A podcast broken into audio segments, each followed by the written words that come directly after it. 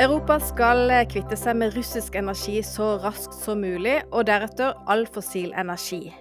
Hvilke konsekvenser har det for Norge som leverandør av olje og gass? Og kan vi forbli en stor, men grønn energileverandør? Hjertelig velkommen til Energi og klima. Mitt navn er Kirsten Øystese, og dagens gjest er Sverre Alvik, leder for energiomstilling i DNV. Velkommen, Sverre. Takk skal du ha. Du, tidligere i høst så la dere frem deres årlige Energy Transition Outlook, som er deres eh, energiperspektiv på verden som dere har gitt ut hvert år. Det er vel siden 2017, er det ikke det? Det stemmer. Sjette utgave i år. Ja, og denne uka så legger dere frem spesialrapporten for Norge, som da ser på Norges energiomstilling mot 2050. Og i år som i fjor så er en av hovedkonklusjonene at Norge ikke ligger an til å nå egne klimamål. Dette er jo ingen overraskelse, vi har hørt det før. Ja, det er eh, sånn at de klimamålene de har vært eh, vanskelig en stund. Eh, og det siste året har de kanskje blitt enda vanskeligere å nå, fordi vi har beveget oss veldig sakte i riktig retning, og målene har til og med blitt mer ambisiøse. Så det er jo godt nytt at, at målene blir ambisiøse, men det er dårlig nytt at uh, vi beveger oss for sakte til å komme dit. Mm.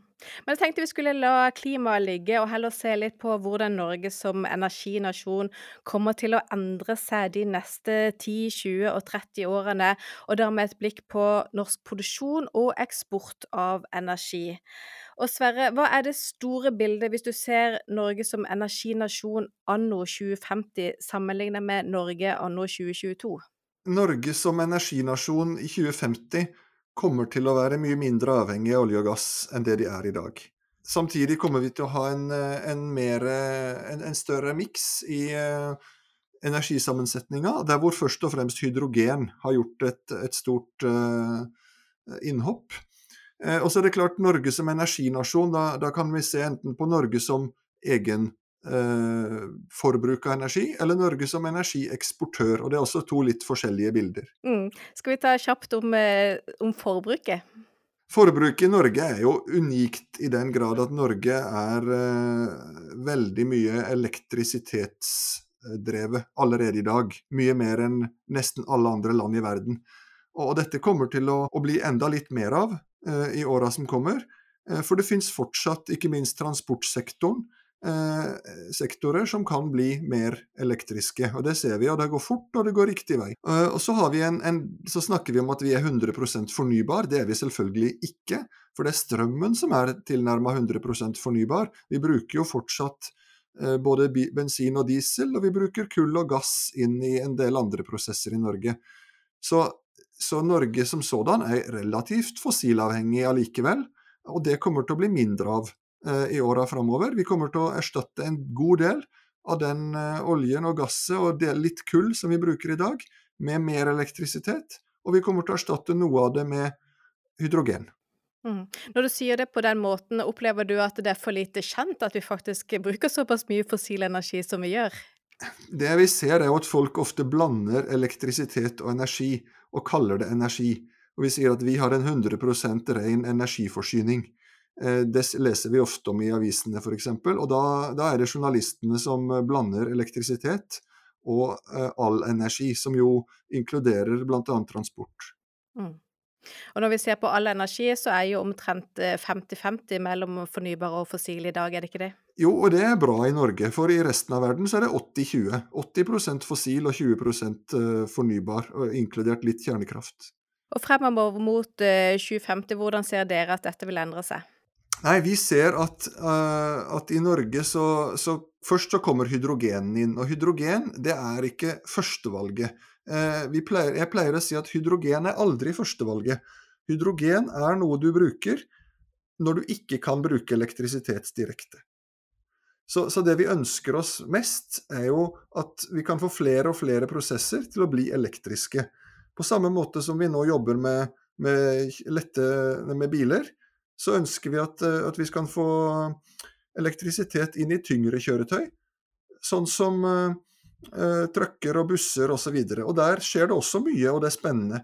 Så, så vi ser at, at hydrogen og elektrisitet eh, spiser av den fossile eh, delen av kaka.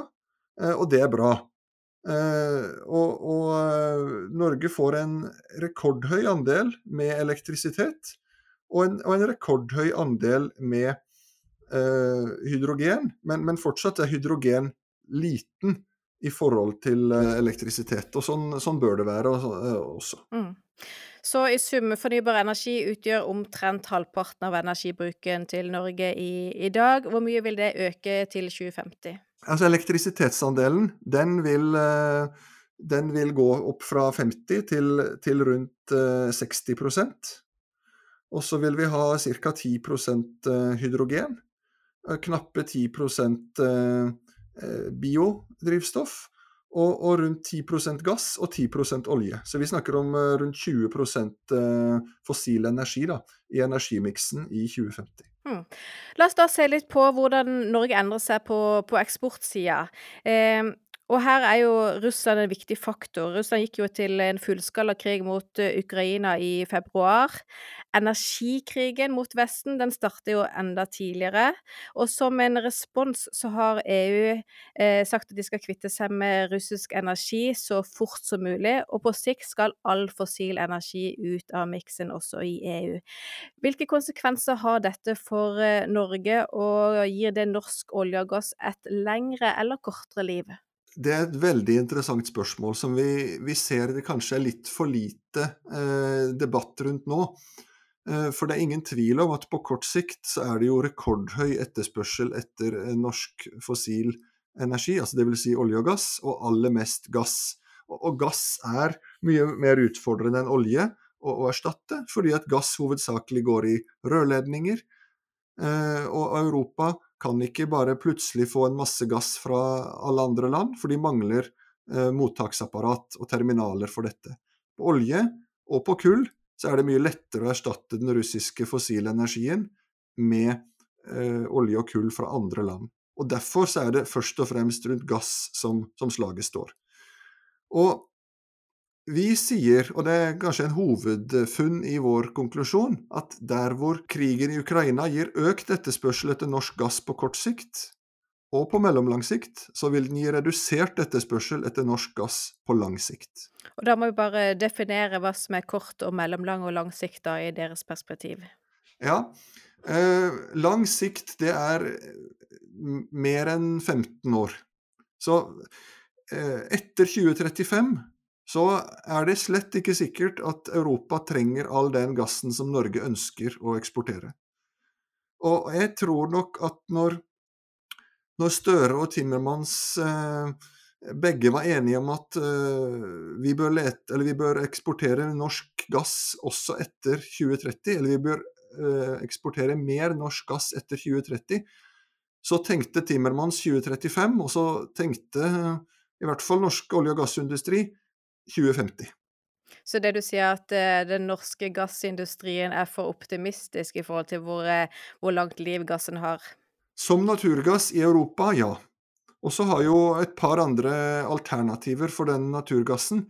Det ene er at du kan, eh, du kan gjøre den om til LNG og frakte den i hele verden, men da må den konkurrere med, med, med gass fra Qatar og Nord-Amerika og, og, andre steder. og enda mer spennende selvfølgelig, er blå hydrogen, som da kan lande, lages av denne naturgassen. Og, og, dette vil det være behov for, altså hydrogen, eh, i Europa, også på lang sikt. Vi skal komme litt tilbake til hydrogen, men bare for å se liksom det som har skjedd. altså Hvordan ser dere på fremtiden for norsk olje og gass nå sammenlignet med bare for et år siden? Jeg tror vi ta, må ta nesten diskusjonen separat for, for, olje og gass. og Hvis jeg bare kort tar eh, olje først, så så eh, konkurrerer jo olje i et internasjonalt eh, marked. Det er, eh, har lite å si for en kunde om oljen kommer fra, fra Norge eller fra USA eller fra Midtøsten. Kostnaden ved å transportere olje er veldig lav uansett.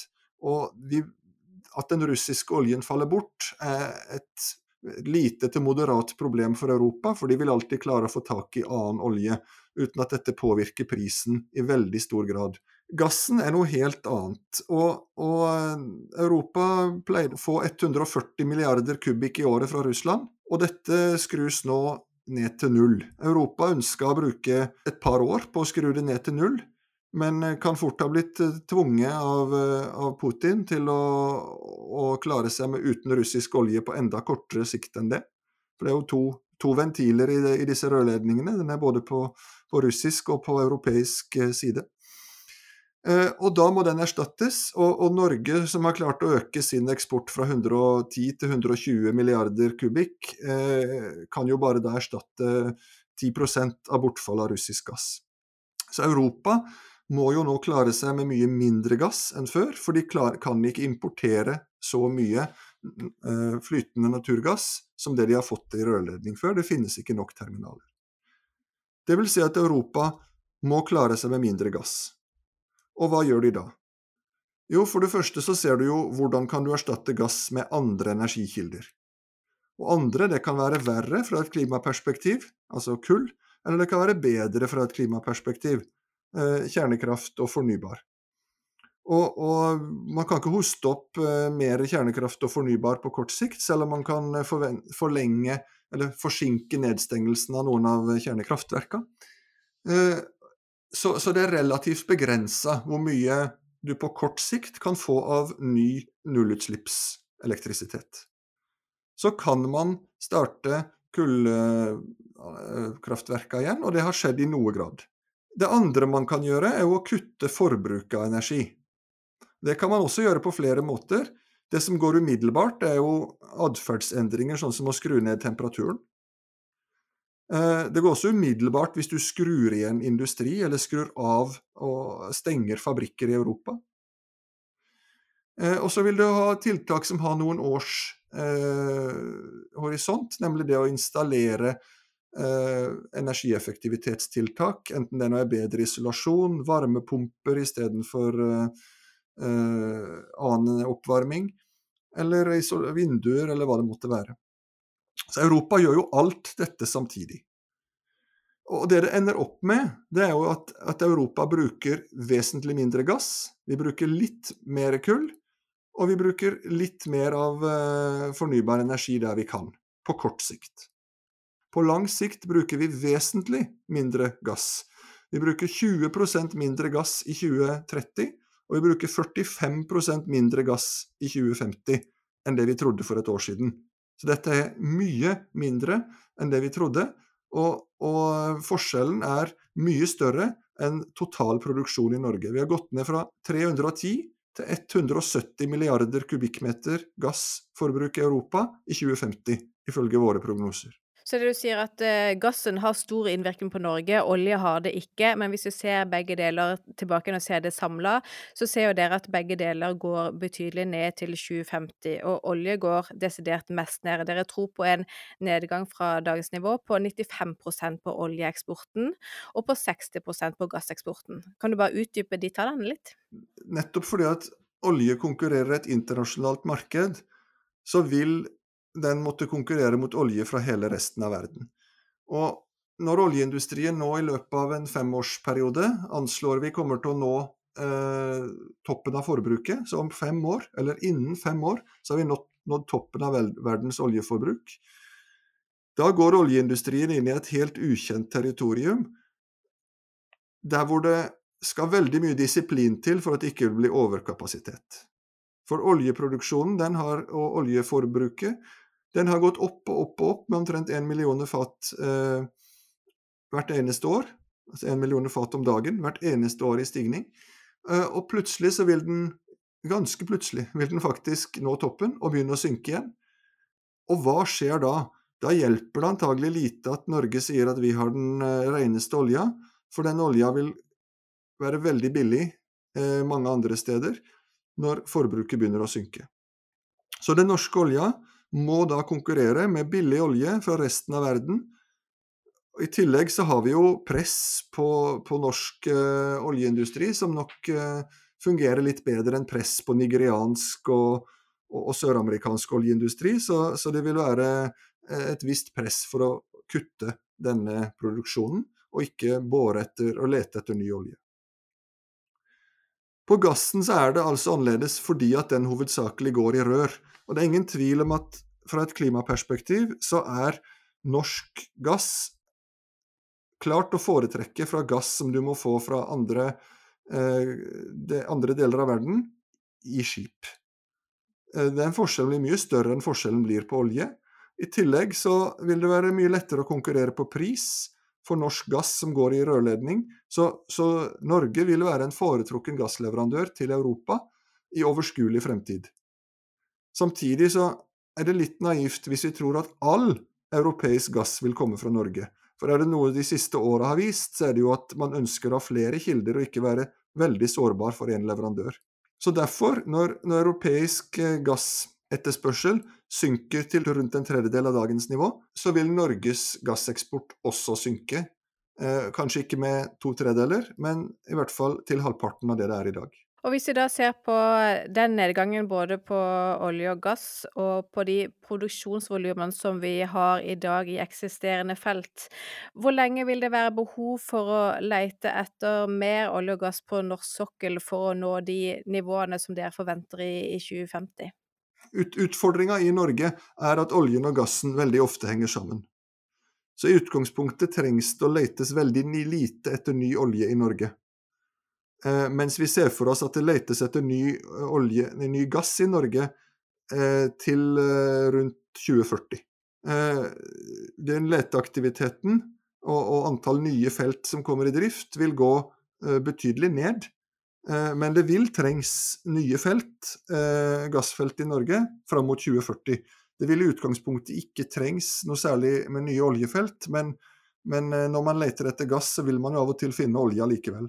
Mm. Ja, for dere skriver i deres analyse at dere tror det ikke blir nye oljefelt etter 2025, stemmer ikke det? Det stemmer, men, men øh, Og analysen vår forteller oss at vi trenger ingen ny olje etter 2025. Men, men eh, vi klarer ikke godt nok å, i modellen å plukke opp hvilke felt som har bare olje, eller bare gass, og hvilke som har begge deler. Dette er jo en eh, analyse hvor dere da altså ikke tror at Norge når klimamålene. Men for eksport av olje og gass så er det jo kanskje like viktig om verden rundt oss, og ikke minst EU, når sine klimamål. Hvordan ser det ut i denne analysen? Eh, I vår analyse så har vi et Europa som har 48% reduksjon i utslippene fram til 2030. Der må vi huske at målet var 55 så de når altså ikke 2030-målene sine, men, men, de er ikke så langt unna. Mye nærmere enn det Norge er. Og så har de en litt over 80 reduksjon, 84 reduksjon til 2050. Så de når heller ikke 2050-klimamålene sine, men de, de, er likevel ikke veldig langt fra. Globalt så er det eh, mer, en, enda mer utfordrende. Fordi at eh, det er mange land og, og, regioner som har kommet mye kortere enn Europa, og som er et helt annet sted både økonomisk og kompetansemessig. Så der ser vi for oss kun 7% reduksjon fram til 2030, og 45% reduksjon til 2050. Så et godt stykke unna det som trengs for å nå 1,5-gradersmålet? Langt fra 1,5-gradersmålet, dessverre. Og, og når vi bruker eh, fra klimapanelet, så kaller vi dette en mest sannsynlig en 2,2-graders verden. Og i denne verden, med 2,2 grader, da trengs det ny olje og gass hele veien. Men det betyr også at hvis vi de neste årene og skrur til politikken, både internasjonalt og i EU, for at EU skal nå sine 2030-mål og 2050-mål, og verden skal komme nærmere 1,5-gradersmålet enn vi er i dag, så vil det bety enda strammere olje- og gassproduksjon sannsynligvis fra Norge eh, enn den reduksjonen dere sier på 95% reduksjon på olje og 60% reduksjon på gass. Absolutt. Så, så, det er ingen grunn Altså, dette er et Europa som ikke når sine klimamål, som allikevel kommer til å etterspørre vesentlig mindre eh, norsk olje og gass i åra som kommer. Et Europa som når sine klimamål, eh, kommer til å skrike enda høyere på å få hydrogen og, og strøm, men trenger veldig mye mindre olje og gass. La oss se litt på hvilke muligheter dere ser for eh, grønn energi og potensialet for å erstatte noe av det vi mister i inntekter fra olje og gass. Fra midten av 2020-tallet og frem mot 2030 så vil Norge ha en stram kraftbalanse, eller kanskje til og med et kraftunderskudd. Det viser deres analyse, og det samsvarer egentlig godt med analysene fra blant andre Statnett og NVE. Men fra 2030-tallet så får vi en stadig mer positiv kraftbalanse balanse og etter hvert et kraftoverskudd, primært fordi vi får inn mer havvind. Og dere forventer at havvind blir så stort at det passerer vannkraft i installert kapasitet i 2047, stemmer ikke det? Jo, det stemmer. Og eh, Norge har jo eh, veldig stort potensial i havvind, og vi er mer optimistiske på havvind nå enn det vi var i fjor. Vi ser at, at eh, regjeringas tydelige ambisjon som, som riktignok ikke sier så mye om hvilke skritt som skal tas på veien, men, men på hva som skal være uh, utdelt av, av uh, lisenser osv. i 2040, den tror vi har betydelig uh, sjanse til å, til å påvirke eller til å dra industrien i riktig retning. Vi ser jo også at industrien er veldig interessert. Det står vel 14 forskjellige konsortier i kø for å bygge ut på sørlige Nordsjø, og en, en mengde også på, på Utsira nord. Så, så vi, det er all grunn til å tro at havvind kan bli et uh, nytt norsk krafteventyr. Og, og vi anslår at uh, i 2040 så er det bygd ut 16 uh, eh, gigawatt, og i 2050 er det bygd ut 42 gigawatt. Så er utfordringa også her at det kommer for seint. Det kommer det kommer for seint til å hjelpe oss å nå 2030-klimamåla, og det kommer for seint til å hjelpe oss å, å, å, hindre at en del industri blir skremt, og heller flytte til andre områder. Fordi at vi ser for oss at eh, ikke før i ca. 2029 begynner det å komme havvind i produksjon. Men på lang sikt så blir det altså en betydelig krafteksport eh, fra Norge, og vi har 100 TWh mer eh, kraftproduksjon i år enn det vi trodde for et år siden. Og vi tror at Norge produserer 365 TWh med kraft i 2050, og da er litt over da er, eh, ja, det er litt over halvparten av det fra vind. Og, og havvind er, er, større enn eh, vannkraft. Det er store tall. Hva er det som gjør at deres forventninger til havvind har vokst såpass mye på ett år? Vi tror at eh, det nå kommer til å legges til rette for dette fordi at alle roper. Altså, vi er ikke de eneste, som du sa, som, som, roper på at det nå blir for lite kraft i, eh, i, i de neste tiåret. Eh, og, og, eh, det er mye interesse fra industrien, og det er tydeligere, mye tydeligere signaler enn før fra politikerne om at dette er noe vi vil ha på plass. Og så er det også dette at Europa nå trenger mer kraft enn før. Europa skal, skal jo da bygge seg ut av russisk energi, de skal øke sin egen energisikkerhet. Europa trenger mer strøm, mer hydrogen enn det vi, de trengte før. Og det er utfordrende å få plass til alle disse turbinene og, og solcellepanelene i EU. Og Norge ligger da nært og med stort potensial for eksport. Og så er det hydrogen, for dere forventer også en vekst i produksjon av hydrogen som går forbi egen etterspørsel, og Norge blir etter hvert da også en eksportør av hydrogen og ammoniakk. Hvordan ser dere at denne veksten vil skje, og er det primært grønt eller blått hydrogen som kommer inn? Når vi kobler modellen vår med det europeiske kraftsystemet og det norske kraftsystemet sammen, for vi har en modell som regner på dette time for time eh, helt fram til 2050, så, så, kan den fortelle oss en del ting som er ikke-intuitive. F.eks. så ser vi at utover på 40-tallet så kommer den norske vinden, eller vindkraften, til å, å, produsere mye i perioder hvor det også er mye vind i Europa. Og, og da forteller modellen oss at det er mer lønnsomt å gjøre om denne vinden til hydrogen, og eksportere det som hydrogen, enn det er å eksportere dette som vind til lave priser.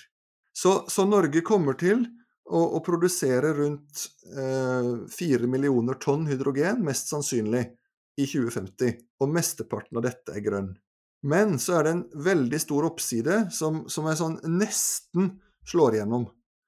og det er dette med blå hydrogen. Og, og det som avgjør om, om det er lønnsomt å eksportere blå hydrogen til Europa, det er hvordan konkurransesituasjonen er mellom den blå hydrogenen og den grønne hydrogenen du kan få f.eks. fra solcelleparker i Spania. Så, så, det er i tillegg til de fire millionene som vi ser for oss eh, mest sannsynlig, så er det en stor oppside for, for eh, blå hydrogenproduksjon som kan være mange ganger større enn det. Europa kommer til å trenge 30-40 millioner tonn hydrogen i 2050. Og, og, og, eh, det kan godt hende at en fjerdedel av det, eller mer, kan komme fra blå norsk eh, hydrogen, altså naturgass som gjøres om. I analysen deres så ser ikke jeg at dere har eh, bretta ut dette store potensialet for blått hydrogen i et 2050-perspektiv på de volumene som du snakker om nå. Betyr det at dere er usikre på muligheten for blått hydrogen, og om Europa er interessert i blått hydrogen når vi kommer til 2050, eller hvordan ser du på det? Ja, Det er både et politisk og et økonomisk spørsmål. og... Eh, på det politiske så syns vi vel at ting har bevega seg litt. Da Habeck, eh, tyske visekansleren, var på besøk her i, i vår, så, så uh, har vi vel inntrykk av at uh, uh, man absolutt er på glid, og at lavkarbonhydrogen kan også være blått hydrogen, og at det, dette begynner å bli akseptert i Europa. Grunnen til at vi ikke har eh, lagd noen eh, bilder som viser dette, at det, det slo akkurat ut under prisen på, på den eh, hydrogenen som kom fra, fra, fra Spania eller fra, fra, varme strøk i sør med solcellefarmer, men det var så nærme prismessig, og det kommer litt an på som jeg sa, subsidier og gjenbruk av rørledninger, at vi ser en Selv om ikke det var hovedscenarioet vårt, så er det en stor oppside her som vi ville gjøre et poeng ut av. Eh, avslutningsvis, vi må snakke også litt om de økonomiske konsekvensene av at Norge eksporterer 95% mindre olje og 60% mindre gass, men blir en større eksportør av havvind og hydrogen mot 2050. Eh, akkurat nå så har jo Norge ekstraordinære inntekter fra olje og gass, mens eh, hvis vi ser de siste ti årene, så har Norge i snitt tjent 490 milliarder kroner på eksport av olje og gass. Når olje- og gassinntektene går ned, samtidig som inntektene fra eksport av strøm og hydrogen øker, hvordan blir dette da i sum for Norge? Vi har, eh, vi har regna litt på dette og, og, brukt gjennomsnittspriser for de ti siste åra på, på, olje og på strøm eh, og på gass. Og så har vi anslått hva en uh, typisk hydrogenkostnad kan være, på, på 2,2 dollar per, per kilo. Og da finner vi at Eh, der hvor inntektene i snitt eh, har vært rundt 500 milliarder kroner, så vil de synke til 225. Så det vil altså eh, reduseres med rundt 55% fra dagens nivå. Og, og der, der, er rundt halvparten kommer da fra fortsatt olje og gass, så den, den synker til en fjerdedel av det det er i dag. Og så eh, av, av, de tre fjerdedelene som forsvinner, da, så vil en fjerdedel igjen erstattes av, av strøm og hydrogen. Så, så totalt så, så synker energieksportinntektene ved ellers like priser med litt mer enn 50 fra i dag. Mm. Og det er et eh, scenario der vi har altså en, en eksport av kraft som er ca. en tredjedel av dagens totale produksjon. Altså der dere regner rundt en 55 TWh som vi kan komme til å eksportere i, i 2050. Det er riktig, men samtidig bruker vi eh, mer enn det mer enn de 55 TWh på å lage hydrogen for eksport. Så, så, hvis vi hadde valgt å eksportere all eh, overskuddskraft som strøm, så kunne vi eksportert over 100 TWh. Men, men, det er antagelig bedre og mer lønnsomt å, å lage hydrogen av, av, mye av den overskuddsstrømmen, og eksportere det som hydrogen isteden.